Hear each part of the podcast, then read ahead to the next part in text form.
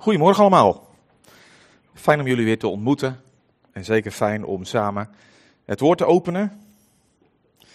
De eerste preek van dit eh, jaar heb ik jullie uitgedaagd om uh, goede voornemens te hebben. Ik weet niet of je dat nog weet. Zeker als je ze met de Heere God doet. En toen heb ik als voorbeeld ook genoemd dat ik zelf ook goede voornemens had. Een van die voornemens was dat ik uh, naar de opticien zou gaan. Dus die heb ik ingelost bij deze. Ja. En die andere ben ik nog mee aan het werk. Maar dat zal uh, waarschijnlijk uh, bij jullie ook wel eens het geval zijn. Um, de vorige preek heb ik met jullie stilgestaan bij Jozef. Aan de hand van Genesis 50. En we gaan ook nu weer een stukje lezen uit Genesis 50. Dat was een, um, een, een, een, preek die um, aansloot ook bij het feit dat wij uh, ons huwelijksjubileum hadden gevierd over schakels, over familiepatronen. En um, de reacties daarop waren heel positief. Um, herkenbaar blijkbaar, hè, om, om dit soort thematiek met elkaar te overdenken. Dus ik dacht, nou, dan uh, laat ik me daardoor ook uitdagen om ook het slot van Genesis 50 met jullie te lezen en te overdenken. Genesis 50 vanaf vers 22. En dat is een, um, dat gaat nog steeds over Jozef. Het is misschien een minder, uh, een stuk wat minder aansluit bij ons gevoel of bij onze behoeften. Maar het is net zo voedzaam als, uh, ja, als elk ander gedeelte uit de schrift. Hè. Laten we daar ook geen onderscheid tussen maken. Ik merk dat wel eens dat mensen onderscheid maken van dit is praktisch en dat is theoretisch. Maar ik vergelijk het meestal met voedsel. Je kan voedsel hebben waarvan je, zegt van op het oog af, dat vind ik lekker of daar heb ik zin in. Terwijl heel veel voedingsstoffen, eh, eigenlijk alle voedingsstoffen die wij eh, via voedsel tot ons krijgen, helemaal niet zichtbaar zijn. Maar wel belangrijk om tot ons te nemen. En um, ja, ook een mooie, mooi beeld om ook zo met het woord om te gaan. Ook als het ons misschien op het eerste gezicht wat minder aanspreekt. Genesis 50, vers 22. Jozef bleef in Egypte wonen, hij in het huis van zijn vader. Jozef leefde 110 jaar. Jozef zag van Ephraim de derde generatie. Ook werden de zonen van Magier, de zoon van Manasse, op de knieën van Jozef geboren. En Jozef zei tegen zijn broers: Ik ga sterven, maar God zal zeker naar jullie omzien en jullie uit dit land laten trekken. Naar het land dat hij gezworen heeft aan Abraham, Isaac en Jacob. En Jozef liet de zonen van Israël zweren: God zal zeker naar jullie omzien, en dan moeten jullie mijn beenderen van hier meenemen. En Jozef stierf toen hij 110 jaar oud was. Ze balsemden hem en men legde hem in een kist in Egypte. En vooral die laatste paar woorden, die hebben mij al jarenlang eigenlijk geïntrigeerd. Een kist in Egypte. Ja, misschien goed om eerst te zeggen, een kist, een begrafeniskist, dat kan ook allerlei gedachten bij ons oproepen. Uh, aan de momenten dat we zelf ook een geliefde zagen liggen in een kist, kort geleden, langer geleden.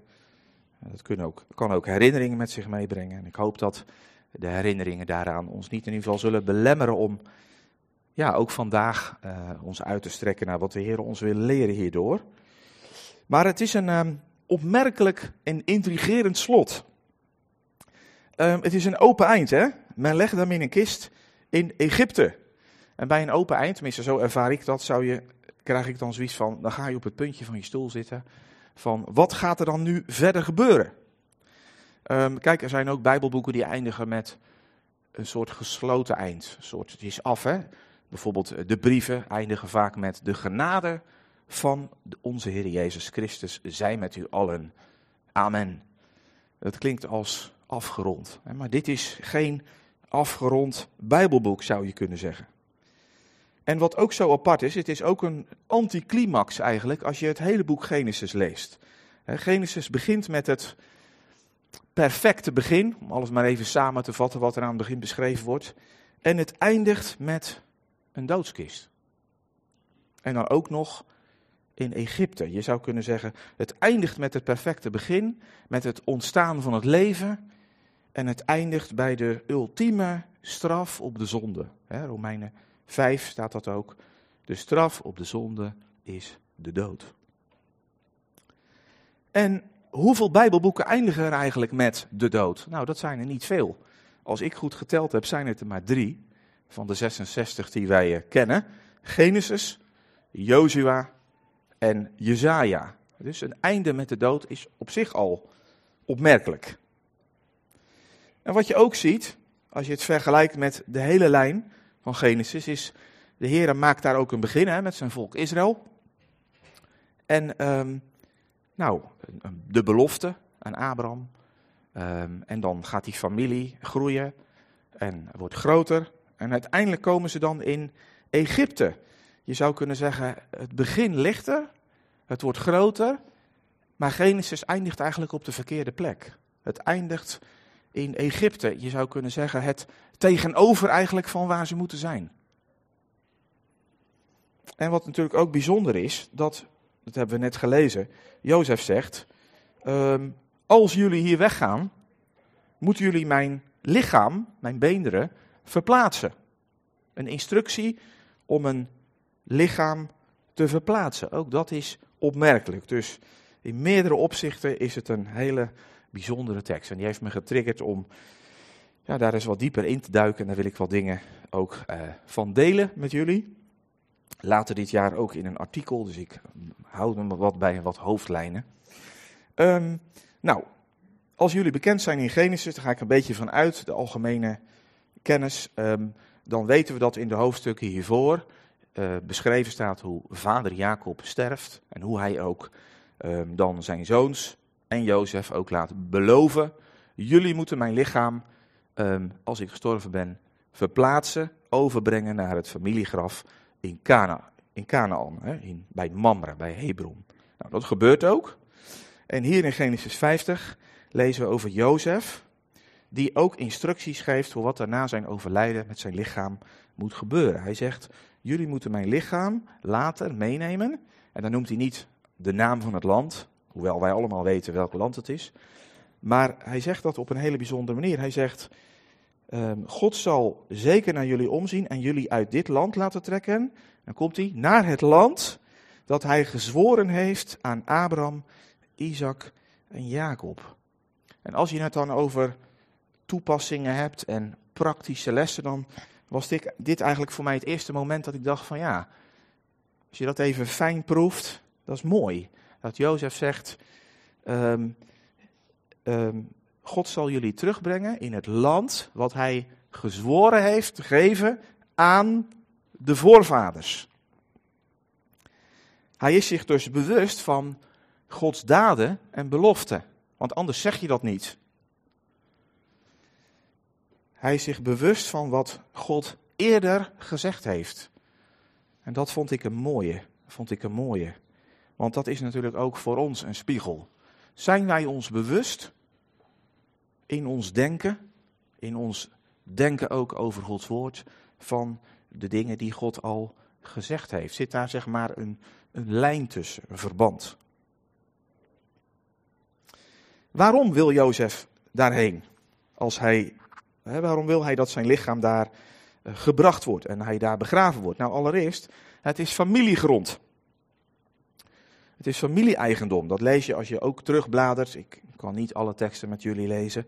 Um, het is eigendom van, uh, van de familie van Jacob, hè, maar later ook in het beloofde land wordt het ook toegewezen aan de nakomelingen van Jozef. En um, dus het is eigenlijk gewoon, ik wil begraven worden op het stuk land wat bij mijn familie hoort. En wel vaker lezen we in de Bijbel hè, dat, het, dat mensen die overlijden dan um, heen gaan tot hun vaderen. Misschien kennen jullie die zin wel. Hij ging heen tot zijn vaderen. Of um, hij kwam, hij werd begraven in het graf van zijn vader. Of bij het graf van zijn vader. He, dat was een voorrecht in die tijd. Alleen, ja, dat is gelijk dan een, een klein studiedingetje voor jullie als je daar trek in hebt. Bij Jozef lag het anders, want het graf waarheen, waarheen hij hier verwijst, dat, dat terrein zeg maar, daar lag tot op dat moment nog niemand. In ieder geval niemand van die familie. En als je dan Handelingen 7 leest, Een mooie uitdaging voor Bijbelstudie. Dan is daar wel even wat over te zeggen, over dat stukje land. Maar dat laat ik aan jullie. Eerste reden dus, Jozef wil begraven worden op, het, op familiegrond. En de tweede reden is, Jozef heeft van zijn vader Jacob ook een stuk land gekregen daarbij. Een eigen stuk land in eigendom. En dat lees je in Genesis 48, vers 21 en 22.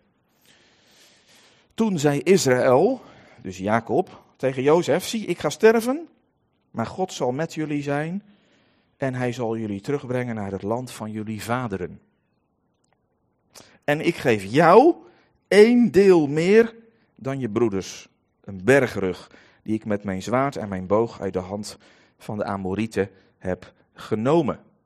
Nou, ook daar is best het een en ander over te zeggen. Dat heeft te maken, denk ik, met het eerstgeboorterecht, wat, ehm, waarvan we lezen in het eind van Genesis dat dat verschuift van Ruben naar Jozef en ook naar de twee zoons van Jozef. Maar dat heb je dus als je bijbelstudie doet, dat je altijd weer allerlei laadjes opentrekt. En de kunst is in een preek om uh, zoveel mogelijk laadjes aan te wijzen, maar ze niet allemaal open te trekken. Want anders dan komt het niet goed met de tijd. maar het is een eigen stuk land. Als ik het samenvat, zou je kunnen zeggen, Jozef zegt hier eigenlijk, ik wil begraven worden op de plek waar ik hoor. Het gaat hier om eigenaarschap. Daar hoor ik. En is het dan niet in levende lijven, dan wel postuum, hè, na de dood. En dat zette me ook weer aan het denken. Jozef is zich heel erg bewust hiervan. Wat is van mij? Waar hoor ik? Eigenaarschap. Toen dacht ik van ja, maar dat is ook een thema wat ons raakt. Eigenaarschap. In bezit nemen wat je is geschonken. Ja. Leef je als bezitter van dat wat je is gegeven. Ik, maar ook jullie. Ehm, ik moest denken aan de Efezebrief. Wij zijn in Christus geschapen om de goede werken te doen die God van tevoren in ons heeft bereid. Als wij de Heer Jezus Christus kennen en van harte dienen, dan geldt die tekst voor ons. Dat is een belofte van God. Hij heeft het allemaal voorbereid. Maar, Efeze 4 vers 1, wandel dan ook waardig aan die roeping. Er is een belofte, maar leven we ook in gehoorzaamheid. Even vertaald naar wat ik net zei, leven we ook als eigenaars van die belofte. En gedragen we ook onszelf als eigenaars van die belofte. En dan heel praktisch, eigenaarschap in relatie tot ons geloofsleven. Ja, dat betekent eigenlijk dat we ons steeds bewust zijn wie we mogen zijn met de Heer Jezus. En ook uh, dat dat eigenlijk ons, ons vertrekpunt is bij alle keuzes die we maken. Uh, nou, ik denk heb je weer zo'n laadje. Ik denk dat de Satan ons vaak wijs maakt uh, van alles waar we geen eigenaar van zouden zijn. En ons eigenlijk altijd weer terugwerpt op onszelf. Terwijl wij steeds weer ons bewust moeten zijn van wie we in Christus mogen zijn. En wat, wat de, de, de potentie is, de, de mogelijkheden vanuit dat leven. Jozef laat zijn broers een eed zweren, lezen we hier. Vers 25. Dus dat geeft een bepaald gewicht aan. Een verplichting voor henzelf, dat ze dat moeten regelen, dat dat goed komt met dat lichaam. En ik denk ook voor de kinderen daarvan, ze hebben dat ook doorgegeven. Um, en waarom? Ja, ik kan maar één ding bedenken, anders zou de kans bestaan dat het misschien mis zou gaan. Want we moeten ervan uitgaan dat in principe iedereen die daar stierf, van het volk van Abraham, daar ook bleef in Egypte. Ze woonden op dat moment in Gozen, gebied wat hen was toegewezen, een goed gebied om te wonen, een gebied waar ze ook als volk heel erg zijn uitgebreid. En het was ook de bedoeling dat mensen daar, als ze overleden, ook daar begraven zouden worden. Dat Jacob mee wordt genomen of terug wordt gebracht hè, naar, naar Hebron is een uitzondering. En ik denk zelfs dat die uitzondering gemaakt kon worden omdat Jozef ook die positie had. Maar na de dood van Jozef had niemand meer die positie om te zeggen, en dit wil ik, Egyptenaren, en dit moet gebeuren. Dus hij laat hen een eed zweren. En als wij, we kennen natuurlijk hoe de, hoe de geschiedenis verder gaat, we weten dat, hè, dan, uh, zou je ook kunnen zeggen, de uittocht, hè, het vertrek uit Egypte, was tegelijk ook de volgende kans om dat lichaam te verplaatsen. En tegelijk ook de laatste. Je zou ze kunnen zeggen, de volgende boot en tegelijk ook de laatste boot. Nou, dat is de instructie die Jozef dus geeft aan zijn broers. En hij laat het ze met een eed bekrachtigen. zo kun je het lezen als een instructie. Nu gaan we naar Hebreeën 11. Hebreeën 11. Want daar wordt ook teruggegrepen hierop. En dan ontdekken we dat het meer is dan alleen een instructie. Hebreeën 11, vers 22. Door het geloof, hè, de zin die zo vaak voorkomt ook in Hebreeën 11. Door het geloof heeft Jozef bij zijn sterven melding gemaakt van de uittocht van de Israëlieten. En heeft hij een opdracht gegeven in verband met zijn gebeente. Door het geloof. En dat is mooi, hè? Van een, we zouden, als we alleen Genesis 50 kennen, nog, zou, zouden nog kunnen zeggen: dit is een, een instructie. Hè? Maar Hebreeën, in de Hebreeën lezen we dat het een uiting is van geloof. En de gebruikelijke uitleg van deze tekst is dat men zegt: Jozef kon eigenlijk in geloof voorzeggen dat er een uittocht zou komen. Dus dat geloof waarover gesproken wordt in Hebreeën 11, dat het eigenlijk betrekking heeft op dat hij iets kon zien, iets kon voorzien, wat anderen nog niet voorzagen. En nu ga ik iets zeggen waar je misschien van schrikt. Maar ik hoop dat jullie zo meteen weer van de schrik bekomen. Um, ik denk dat Jozef niet per se geloof nodig had om in Genesis 50 te kunnen spreken van die uittocht. Want Jozef wist namelijk al heel veel. En dan kom ik weer bij die algemene kennis van het boek Genesis. Maar als je terug gaat bladeren, dan kun je dat gewoon zelf ook ontdekken. Dat Jozef al heel veel wist. dan beginnen we al in Genesis 12. Hij wist dat God iets had gezworen met betrekking tot het nageslag van Abraham, met betrekking tot het land. En ongetwijfeld was dat ook doorgegeven binnen de familie, die kennis. Dat bewijs hebben we ook, want anders zou Jozef niet spreken over het land wat hij gezworen heeft te geven aan Abraham, uh, Isaac en Jacob. Jozef wist ongetwijfeld van die moeilijke tijd die zou komen voor zijn familie. Als we in Genesis 15 lezen, dan vertelt de Heere God daar ook iets over aan Abraham. En ook daar vertelt de Heer al dat het volk ook na die moeilijke tijd zal vertrekken. En ik ga ervan uit dat Jozef dat wist. Jozef kende de openbaring van God die via zijn voorvaders door was gegeven. Jozef wist ook, komen we wat dichter bij hoofdstuk 50, in hoofdstuk 47 kun je dat afleiden. Jozef wist ook dat, uh, dat zijn familie daar een behoorlijke tijd zou zijn. En groot zou worden, een groot volk zou worden. En op zijn sterfbed, notabene, vertelde Jacob nog hè, aan Jozef over de nabijheid van God in het land Egypte. En het feit dat hij hen zou terugbrengen. We hebben die tekst ook net gelezen, hè? hoofdstuk 48, vers 21. Ik ga sterven, zei Jacob, maar God zal met jullie zijn en hij zal jullie terugbrengen naar het land van jullie vaderen. Dus Jozef wist een aantal dingen. Daarbij, ik denk dat Jozef zich vanuit zijn positie, hij was de tweede man van Egypte, zich ook prima een beeld kon vormen van wat de gevolgen zouden kunnen zijn in het land van zo'n volk, wat maar groter en groter en groter werd, naast hè, de, de locals, zeg maar. Um, in Exodus 1, de eerste bladzijde na Genesis 50, hè, daar lezen we dat die farao, die farao die uiteindelijk ook verantwoordelijk is voor de ellende die dan ook begint voor het volk, dat die farao zegt van uh, in vers 9, Exodus 1, zie, het volk van de Israëlieten is talrijker en machtiger dan wij. Kom, laten wij er verstandig tegen optreden. Anders zal het talrijk worden. En mocht het zijn dat er een oorlog uitbreekt, dan zal het zich ook bij onze vijanden aansluiten, tegen ons strijden en uit het land wegtrekken. Ik denk dat Jozef vanuit zijn positie als onderkoning zich best kon voorstellen in die materie Hè, hoe dat zou kunnen gaan en wat de reactie zou kunnen zijn van een mogelijke heerser in die tijd. Hij kon ook bedenken dat het vertrek uit Egypte niet zonder slag of stoot zou gaan. Hij zegt ook in Genesis 50 twee keer, in vers 24 lees je het en in vers 25, God zal naar jullie omzien.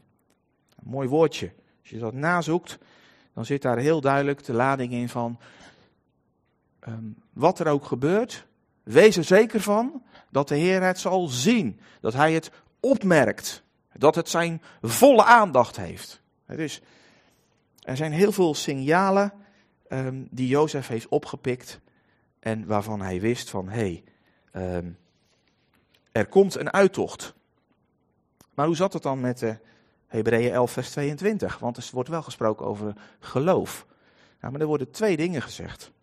Laten we het nog een keer lezen. Hebreeën 11, vers 22. Door het geloof heeft Jozef bij zijn sterven melding gemaakt van de uittocht van de Israëlieten. En, daar komt hij, heeft hij een opdracht gegeven in verband met zijn gebeente. En ik denk dat daar eigenlijk de betekenis ligt van dat geloof. Met die combinatie. Hij heeft iets gezegd over de uittocht. En hij heeft iets gezegd over wat er met zijn beenderen moet gebeuren. Jozef geloofde dat die uittocht een feit zou worden. Ja? Maar hij geloofde hier zo vast in. Dat hij ook het overbrengen van zijn beenderen, wat voor hem zo essentieel was, daarmee verbond. Dat koppelde hij aan elkaar. En soms moet je even nadenken om te beseffen wat de betekenis van iets is, hoe, hoe, hoe vreemd of hoe, hoe, bijzonder iets is. Maar ik bedacht, uh, het is dus ook helemaal niet logisch wat Jozef hier doet. He, het is niet logisch als je beseft dat um, als je iets echt veilig wil stellen, als je zegt van nou ik wil zeker weten dat dat of dat doorgaat, dan laat je dat niet wachten totdat er pittige omstandigheden aanbreken. of uh, dan laat je dat niet uitvoeren door mensen die onder druk staan. Dat doen wij niet. Als je iets veilig wil stellen, dan regel je dat zelf. Dan neem je dat in eigen hand. Stel, je hebt een heel mooi boek geleend van iemand. Dan zeg je niet op de dag dat die persoon gaat verhuizen: Oh ja, ik uh, kom even dat boek halen. dat is niet een goede combi, zeg maar. Want die mensen zijn allemaal in stress over de verhuizing. Dat moet je even daarvoor doen of even daarna. Nou, dat bedoel ik. Die combinatie is heel bijzonder. Iets essentieels laat hij eigenlijk over aan een moment wat menselijkerwijs gesproken vol zit met stress. En dat vraagt geloof. En daarbij, als je Hebreeën 11 goed leest, dan zie je dat geloof um, niet alleen iets, van, iets is van een moment, van je gelooft dat, maar geloof is voor deze mensen, al die geloofsgetuigen, een levenshouding geweest. Dat is ook belangrijk om daarbij te noemen. De geloofstaal van Jozef kwam voort uit een leven in geloof. Dat is een belangrijke lijn. Jozef leefde in verbinding met de Heer. Als wij de geschiedenis van Jozef lezen, vanaf uh, Genesis 37 is dat, tenminste dan lezen we over de Jozef in zijn jeugd, al eerder natuurlijk over zijn geboorte. Maar dan, dan kun je niet anders concluderen dat Jozef in verbinding leefde met de Heer. De Heer was met hem. Zijn geloof was niet iets van bepaalde momenten, geloof was iets wat verweven was met zijn leven. Ik weet niet of jullie Psalm 105, vers 19 wel eens hebben gelezen. Dat is mooi om daarbij te betrekken. Een hele mooie tekst over Jozef, Psalm 105, vers 19. Daar lezen we eerst dat Jozef als slaaf werd verkocht en dat hij nou ja, allemaal hele nare dingen meemaakte. En dan staat er in vers 19, tot de tijd dat zijn woord uitkwam, heeft de belofte van de Heere hem gelouterd. Of heeft het woord van de Heere hem gelouterd, zouden we ook kunnen zeggen. Dus eh, Jozefs leven werd ook gelouterd, hè? Zoals, een, zoals je uh, uh, goud eigenlijk loutert, hè? steeds puurder maakt. Door, ook door die omstandigheden heen. Door de Here. Dus de Here speelde een hoofdrol in zijn leven. Jozef had ruimschoots ervaring met moeilijke momenten en moeilijke tijden in zijn leven om te kunnen zeggen: Broers, familie, wat er ook gebeurt, de Heere zal naar jullie omzien. Dus je zou kunnen zeggen, zijn ervaringen in het verleden stempelden eigenlijk ook zijn verwachtingen voor de toekomst. Zoals de Heer was geweest, zou de Heer ook blijven. Daar twijfelde Jozef geen moment aan. En dat is het geloof van Jozef. En dat is ook een moment eh, dat je weer aan jezelf denkt. Als je dan het voorbereiden bent, denkt van hoe zit het dan in mijn leven? En die vraag die ik ook met jullie wil delen. Wat is geloof voor ons? Is dat alleen iets bij de start? Efeze 2. Uit genade bent u behouden door het geloof, de start. Maar is het ook iets wat ons leven doortrekt? Net zo goed waar. En we mogen die twee ook niet koppelen. Efeze 3, vers 17. Opdat Christus door het geloof in uw harten wonen zal. En u in de liefde geworteld en gefundeerd bent. Dat gaat over, niet alleen over het begin, maar het gaat over het proces wat daarna ehm, verder gaat. Ja. En wat is nou de, de aanjager in dat proces? Wat is nou de, de voeding van dat proces en de kracht van dat proces? Ook bij ons is dat, als het goed is, het woord van God. Zoals het woord en de belofte van God Jozef eigenlijk doorlouterde. Alles wat, uh, wat niet ter zake deed eraf en overhouden. Hè? Wat, wat ertoe doet. zo is het ook zo dat als wij uh, ons voeden met die kennis die de Heer ons wil geven vanuit het woord, dat dat hetzelfde effect zal hebben in ons leven.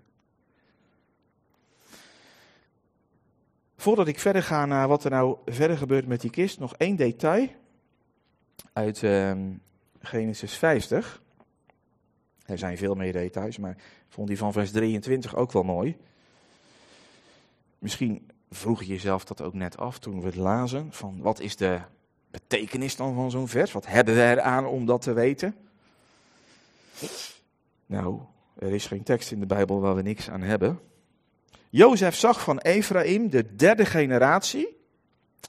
Ook werden de zonen van Magir, de zoon van Manasse, op de knieën van Jozef geboren. Manasse en Ephraim zijn de zoons van Jozef. En van Ephraim ziet hij nog de derde generatie. En als je dat na gaat zoeken, dan uh, uh, komen daarop uit dat de kinderoogjes, waar Jozef nog naar gekeken heeft, van zijn achter-achter kleinkinderen, die kinderoogjes, dat dat de ogen ook zouden zijn van de mensen die de uittocht mee hebben gemaakt. Dus eigenlijk mooi hè, dat Jozef keek met geloofsogen naar datzelfde moment, maar hij heeft de, de kinderen nog gezien die dat echt mee hebben gemaakt. En dan ook werden de zonen van Magir, de zoon van Manasse, op de knieën van Jozef geboren. Als je dat even vertaalt naar huidige geboortescenario's, dan, dan moeten we daar in ieder geval vragen bij hebben. Want hoe, hoe, hoe, moet dat dan gaan, zeg maar? En zouden wij daar wel op zitten te wachten, zeg maar? Maar dat op de knieën geboren worden, of tussen de knieën nemen van kinderen uh, of van mensen heeft in de Bijbel altijd te maken met, met erfgenaamschap, met, eigenlijk met adoptie. Het aanvaarden van iemand als eigen. En de reden daarvan weten we niet, waarom dat daar gebeurde bij die, bij die zoon, bij die zonen. Maar um, eigenlijk geeft Jozef bij die kinderen ook aan van ze zullen erfgenamen zijn. Ze zijn als van mij. En dat is ook weer een signaal voor de toekomst. Hè? Want als je niet gelooft in toekomst, iets wat verder gaat, waarom zou je dan praten over erfgenaamschap? dus vers 23 laat, als je dit, dat nazoekt, dat zijn soms van die puzzeltjes, laat heel mooi eigenlijk twee elementen zien van Jozef had een open blik naar de toekomst. Een open blik. Hij zag in geloof wat die kinderogen echt zouden gaan zien. En hij ehm, eh, realiseert zich dat er een, een erfenis is, dat er een toekomst is. Ja, wat wij niet lezen in Genesis 50 is hoe die Egyptenaren dat nou allemaal gevonden hebben. Dat hun, ehm, hun onderkoning op deze manier eh, ja, begraven werd in een kist.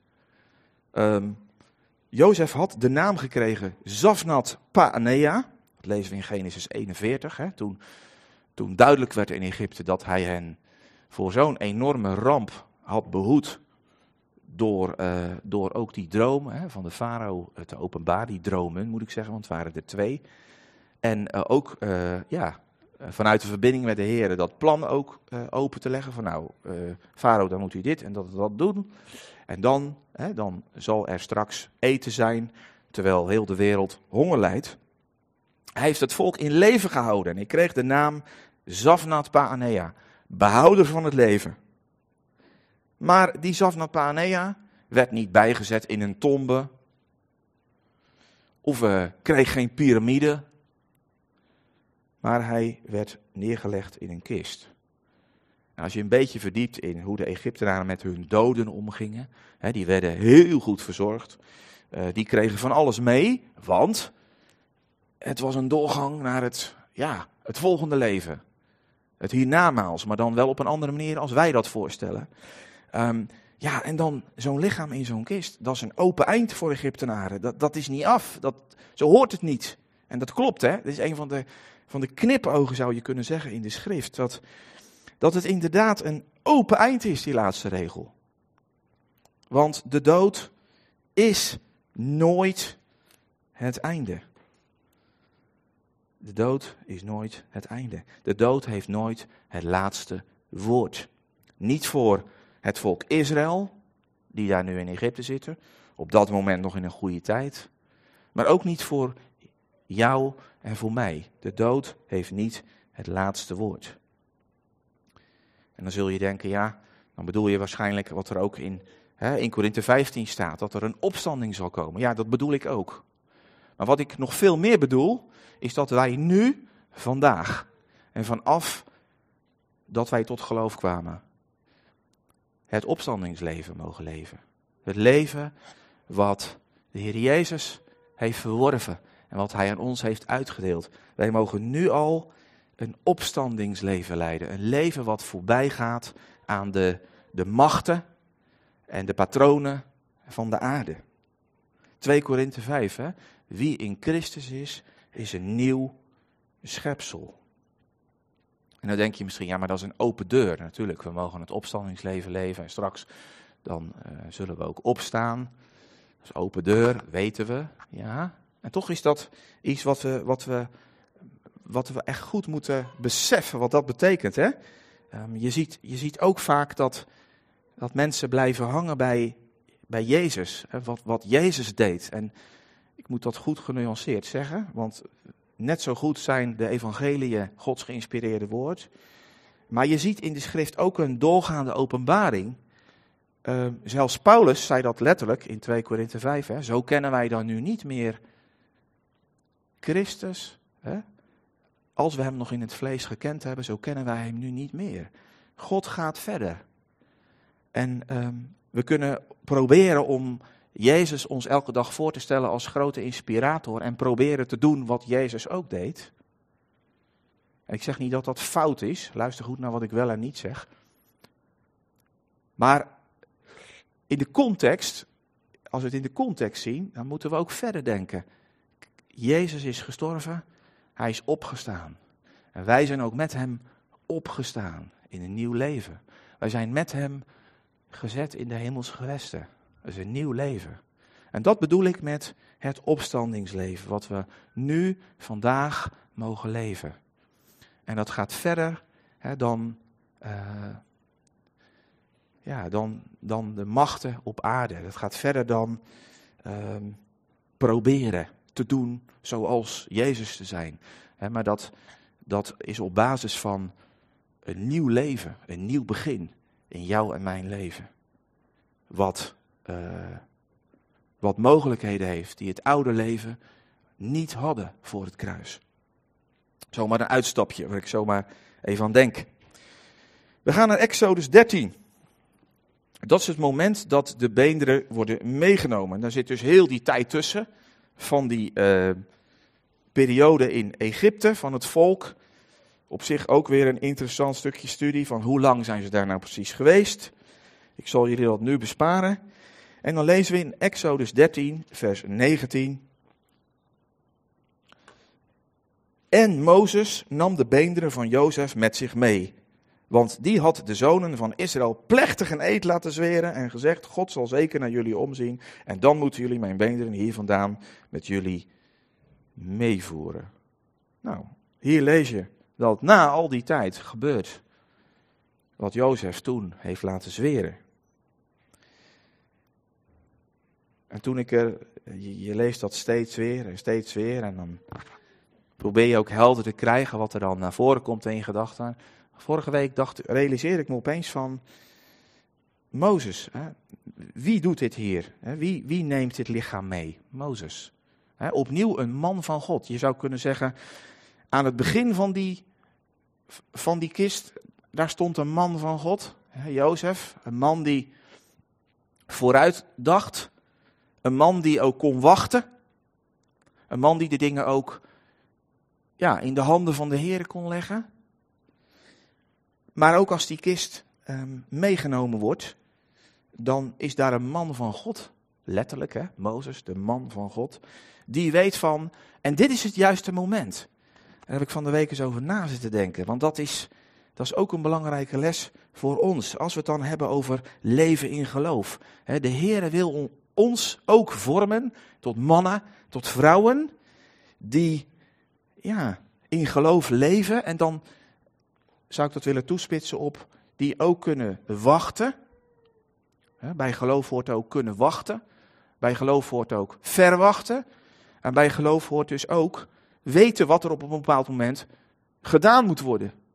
dus weten van, dit is nog niet het moment, maar nu is het moment er wel. Ja. Wat voor nu is, wat voor straks is. Dat is ook belangrijk um, om eens mee te nemen. Um, in relatie tot leven in geloof. En dan wordt die kist meegenomen, de beenderen van Jozef.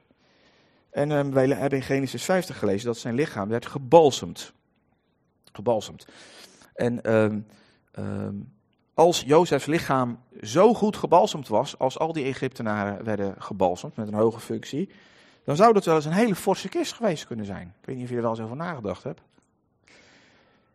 Als we letterlijk uitgaan van wat Jozef zegt, mijn beenderen, zou het misschien een kleinere kist geweest kunnen zijn. Dat moeten we even openlaten. Maar één ding is een feit. Door de woestijn werden in ieder geval twee kisten meegenomen. En wat wil nou het geval?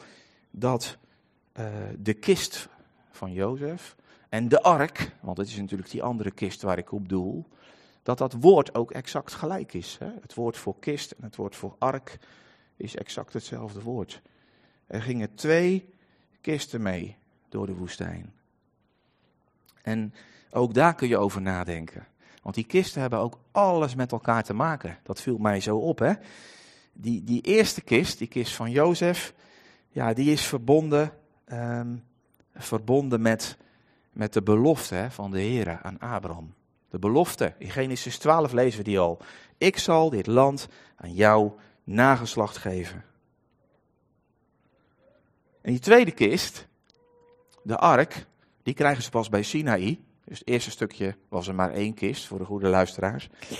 Maar bij Sinaï kregen ze die tweede kist, de ark. Dat ging over het verbond wat de Heer sloot met het hele volk. Daar was iedereen bij. De eerste kist heeft betrekking op het verbond met Abraham, één persoon. En de tweede kist heeft betrekking op het verbond met het hele volk. Jullie zullen een heilig volk voor mij zijn. Heel mooi om te zien dat die twee kisten samen ook eigenlijk alles vertegenwoordigden wat God ja, tegen het volk uh, had geopenbaard over wie zij zouden zijn te midden van de andere volken. Nou, die kist wordt dus meegenomen door de woestijn, maakt van alles mee. Ja, ik ga nu opeens heel snel door de tijd heen. En dan komen wij in Jozua, hoofdstuk 24. En dat is het moment dat die kist van Jozef ook begraven wordt. Jozua, hoofdstuk 24, vers 32.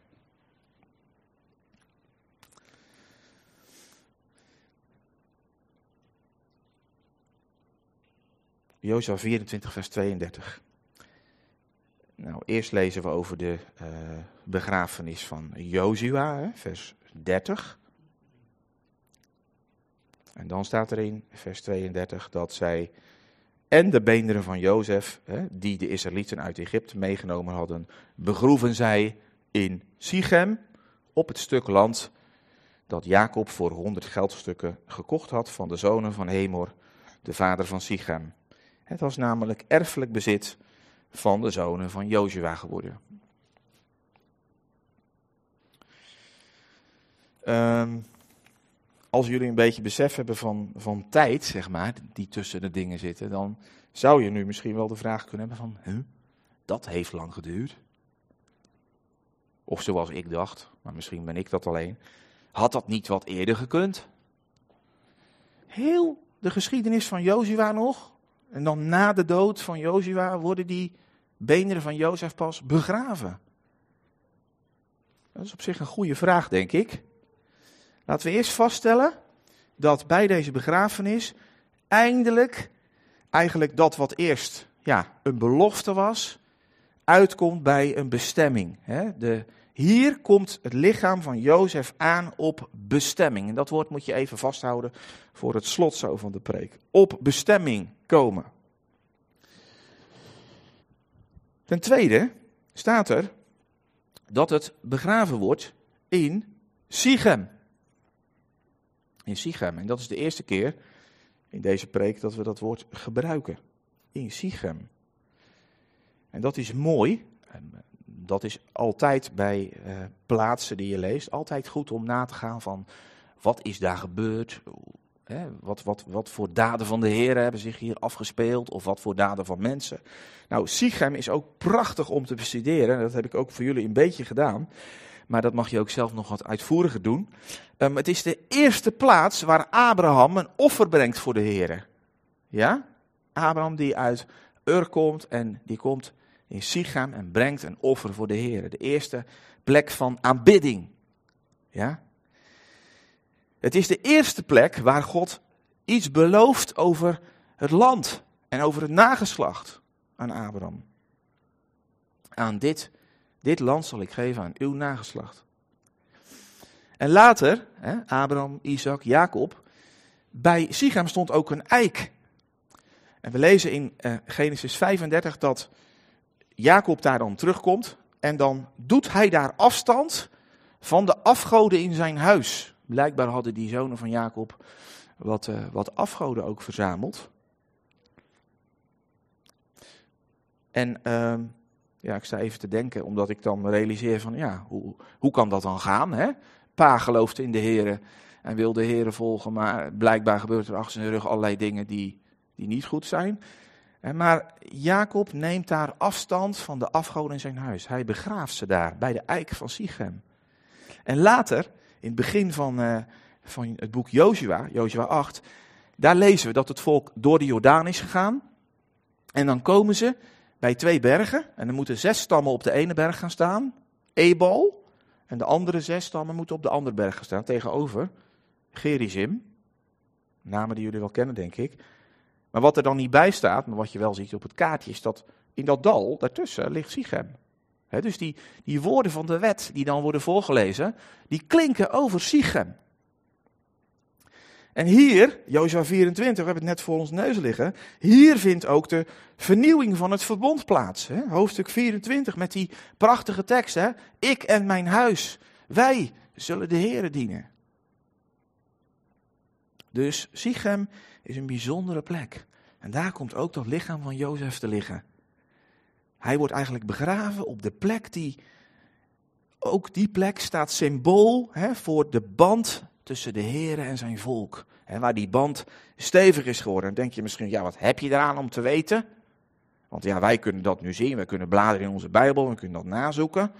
Maar ik denk dat mensen die toen leefden met de Heer, de, de rechtvaardigen van toen, de mensen die, die echt gehoorzaam wilden zijn aan de Heer en die dus de daden van God ook kenden en ook inderdaad het verleden kenden, dat die mensen die lijntjes zeker konden leggen. Van hé, hey, dit is niet zomaar een plek waar we nu staan. Hier heeft de Heer gesproken. Hier heeft Abraham de Heer aanbeden. Hier heeft Jacob zijn afgoden in de grond gestopt. Hier hebben we zoveel jaren geleden ook gestaan met de wet. En daar ligt het lichaam van Jozef.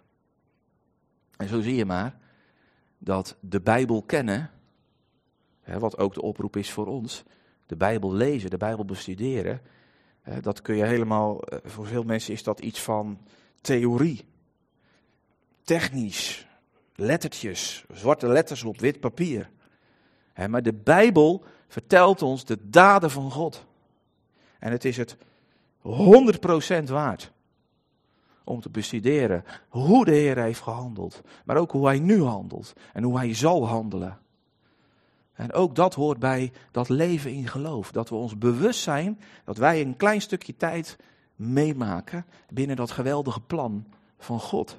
En dat hij ons een woord geeft, wat zoveel mensen niet gehad hebben. Nou, ik zei al net, je krijgt de indruk dat dat allemaal heel lang geduurd heeft voordat die kist begraven is maar als je ehm, de ene vertaling of de andere neemt, kan dat nog uh, anders lijken. De HSV die ik hier voor me heb liggen, die geeft eigenlijk een beetje de illusie van het is pas gebeurd na de dood van Jozua. Nou, als je andere vertalingen neemt, dan um, laat daar in ieder geval wat ruimte om ook te denken dat dat eerder gebeurd kan zijn. In ieder geval denk ik dat het geweest moet zijn en nadat het land veroverd was. Je leest in de tijd van Jozua wordt ook het land veroverd. De stammen krijgen allemaal hun plek aangewezen. Ook de zonen van Jozef krijgen hun plek aangewezen. En of die, als zeg maar, de plek bekend is, dan kan ook het lichaam begraven worden. Wat ons in ieder geval niet mag ontgaan. Ja, dat is ook weer een laadje, maar die kan ik toch echt niet even dichtlaten. Dat ehm, hier in hoofdstuk 24 twee mannen naast elkaar genoemd worden. Die allebei worden begraven hè, in dat gebied van de zonen van Jozef. Hè. Want ook Jozua wordt begraven in het bergland van Ephraim. Jozua was net als Jozef, ze waren van dezelfde stam. Jozua was een nakomeling van Jozef. Ja. En uh, ze waren dus verbonden, deze mannen, door een bloedband.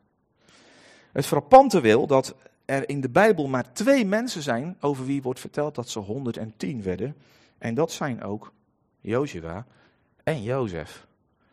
En dan denk je misschien, ja, als je A zegt, moet je ook B zeggen. En dat is leuk. Dan zou ik zeggen, hoeveel tijd hebben jullie?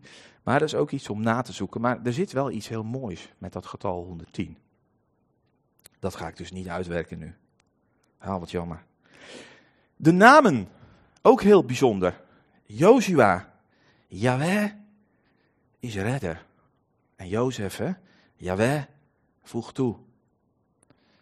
Het waren allebei mannen die ook in hun naam verwijzen hè, naar de grote ik ben, hè, de Messias. En wat ook een mooie overeenkomst is, dat beide mannen eigenlijk tijdens hun leven een tijd van zegen creëren voor het nageslacht van Abraham. Jozef uh, creëert eigenlijk door zijn handelen zegen voor zijn, voor zijn familie, een plek om te wonen. En Jozua ook door zijn gehoorzaamheid aan de Heer en zijn leiderschap, ook een tijd van zegen, ook voor het volk. He, dus een hele mooie parallel. Ik ga afronden. Die geschiedenis met die kist, want daar hebben we het over gehad. Genesis 50, vers 26, de kist die in Egypte ligt. Die geschiedenis benadrukt dat de Heer doet wat hij belooft. Laten we dat vooral vasthouden. De Heere doet wat hij belooft. de beenderen van Jozef gaan in de kist en komen aan op bestemming. En als je je dan realiseert wat daartussen gebeurd is, tussen die twee momenten, dan kun je ook niet anders zeggen van, ja, daar moet de Heer wel zijn hand in hebben gehad, want wat is daar allemaal niet gebeurd? Hè? De woestijnreis zei ik net al. Ehm, tegenstanders die van alles hebben uitgehaald om maar te verhinderen dat Israël daar ging wonen en zou komen. Ongeloof van het volk, een hele generatie die eruit geknipt is. Maar die begrafenis van die beenderen, die wordt een feit. Want de Heere, die zal zorgen dat dingen die moeten gebeuren, ook gebeuren. En het is maar goed ook dat de Heere daar garant voor staat. En de Heer is ook nooit veranderd. Ook nu geldt dat. Zijn woord is waar en blijft ook waar. Daar mogen wij elke dag op bouwen. En weet je wat ik zo mooi vond? Dat wat er eigenlijk met die kist gebeurt, hè, dat, dat er tegenstanders overwonnen moeten worden, dat er uh, ongeloof uh, plaatsvindt, um, waardoor nou, het een hele tijd lang, maar de vraag is of dat volk wel aan zou komen in het beloofde land. Dat er enorm veel tijd overheen gaat, die, die dingen. Tegenstanders, tijd, ongeloof. Maar God komt tot zijn doel. De kist komt op bestemming. En dat is een prachtige parallel ook van wat er met het hele volk Israël gebeurt en zal gebeuren. dat tegenstanders, tijd, maar ook het ongeloof van het volk er zijn nog zoveel mensen die behoren tot dit volk Israël en nog steeds de Heere niet kennen. Maar het zal niet voorkomen dat al die beloften van de Heere voor zijn volk, hun herstel, het wonen in het land, onder leiding van de Messias, waar zullen worden. Israël zal op bestemming komen, net als de kist. Dat is een hele mooie parallel. En door wie, door wie zal dat nou allemaal gebeuren? Niet door mensen, hè, maar door de trouw van degene hè, waar Jozef zo in zijn leven ook naar wees. De Messias, de Heer Jezus Christus. Hij is de centrale persoon hè, in deze geschiedenis van Jozef ook. En als het goed is ook in ons leven. Maar ook de centrale persoon in de schrift. Telkens weer komen we daar terecht. Egypte heeft niet het laatste woord in de geschiedenis en in de toekomst van Israël. Het heeft wel het laatste woord in het boek Genesis. Is dat toch een beetje raar, hè? Ja. Maar het heeft niet het laatste woord in de toekomst van Israël. Dat laat Gods woord ons zien. Eén klein verrassingje. Jullie houden misschien van verrassingen. Dan moet je thuis even kijken. Egypte is wel betrokken bij wat er straks zal gebeuren met het volk Israël. Ik zou zeggen, lees eens voor jezelf Jezaja 19 door thuis. Dan zul je ook weer verbaasd staan hoe, ja, hoe ook Egypte straks weer zal delen in dat prachtige moment als Israël op bestemming zal komen. En zo heeft ook in ons leven, en daar wil ik mee afsluiten, niet de aarde, niet de dood, het laatste woord. Hè? Ons leven is met Christus verborgen in God.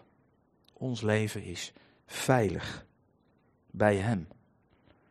En ik hoop zo dat wij Christus ook zo mogen kennen als onze Verlosser. En dat we dat ook natuurlijk met vallen en opstaan. Maar ons steeds weer mogen realiseren. Dat we daar steeds naar teruggaan. Naar het weten dit is Hij voor mij en dit ben ik met Hem. We zijn hemelburgers. En onze bestemming staat vast. Want ook wij komen op bestemming. Als wij straks ook met Hem zullen verschijnen in heerlijkheid. De Heere komt met ons, ook met ons, ondanks wie we zijn, tot zijn doel. Filippenzen 1, vers 6, een tekst die ik volgens mij heel vaak aanhaal. Maar dat zal dan wel, hè, dat er staat, hij die in u een goed werk begonnen is, zal het ook voltooien. Tot op de dag van Christus. En dan moeten we wel de context van de Filipijnse brief goed in acht nemen. Die ga ik jullie nu niet vertellen. Hè, maar dat zou ik zo willen zeggen. Ehm, als we leven zoals Jozef, niet alleen geloof bij de start van ons leven met God, maar geloof als levenshouding dan belooft de Heer dat Hij dat goede werk, wat Hij in ons leven begonnen is te doen, zal voltooien tot de dag van Christus. Dan komen we aan op bestemming. En dat mogen we weten, omdat God het zelf zegt. Ik wil graag kort met jullie danken. Vader in de hemel, dank u wel dat we zo uw woord mochten overdenken. Nu ik hier sta, realiseer ik me ook wel dat, ehm, dat het misschien ook wel veel was of misschien ook wat moeilijk. Heren, maar ook dat mogen we in uw handen leggen, want het is uw woord. En als we het nu niet tegenkomen, dan misschien wel later in ons leven. Heren, maar dit woord is onze voeding, omdat dit woord niet zomaar letters zijn, maar het spreekt over u. Een levende God. Een God die zijn woord houdt en doet wat hij zegt. En ook zegt wat hij doet. Een God die doorgaat, ondanks mensen. Een God die, zich niet laat tegenhouden door wat dan ook, maar tot zijn doel zal komen. Heren, dat is ook het vooruitzicht wat u ons vandaag geeft. Vanuit het verleden. Dat u tot uw doel zal komen met Israël. Dat u tot uw doel zal komen met ons. En dat de enige weg daarheen ook is een leven in geloof. Heren, er zijn veel dingen langsgekomen om ook over na te denken. Help ons daarbij. We mogen dat ook in uw handen overlaten, heren. We zijn allemaal weer anders. We staan op andere plekken in ons leven, andere processen in ons leven. U kan dat op maat snijden als geen ander. Heren, dat mogen we ook in uw handen leggen en van u verwachten. We willen uw naam loven en prijzen. U bent het waard om geprezen te worden. U bent het waard om aanbeden te worden. U bent het waard, heren, dat wij iedere dag van ons leven ons uitstrekken naar het kennen van uw woord. Amen.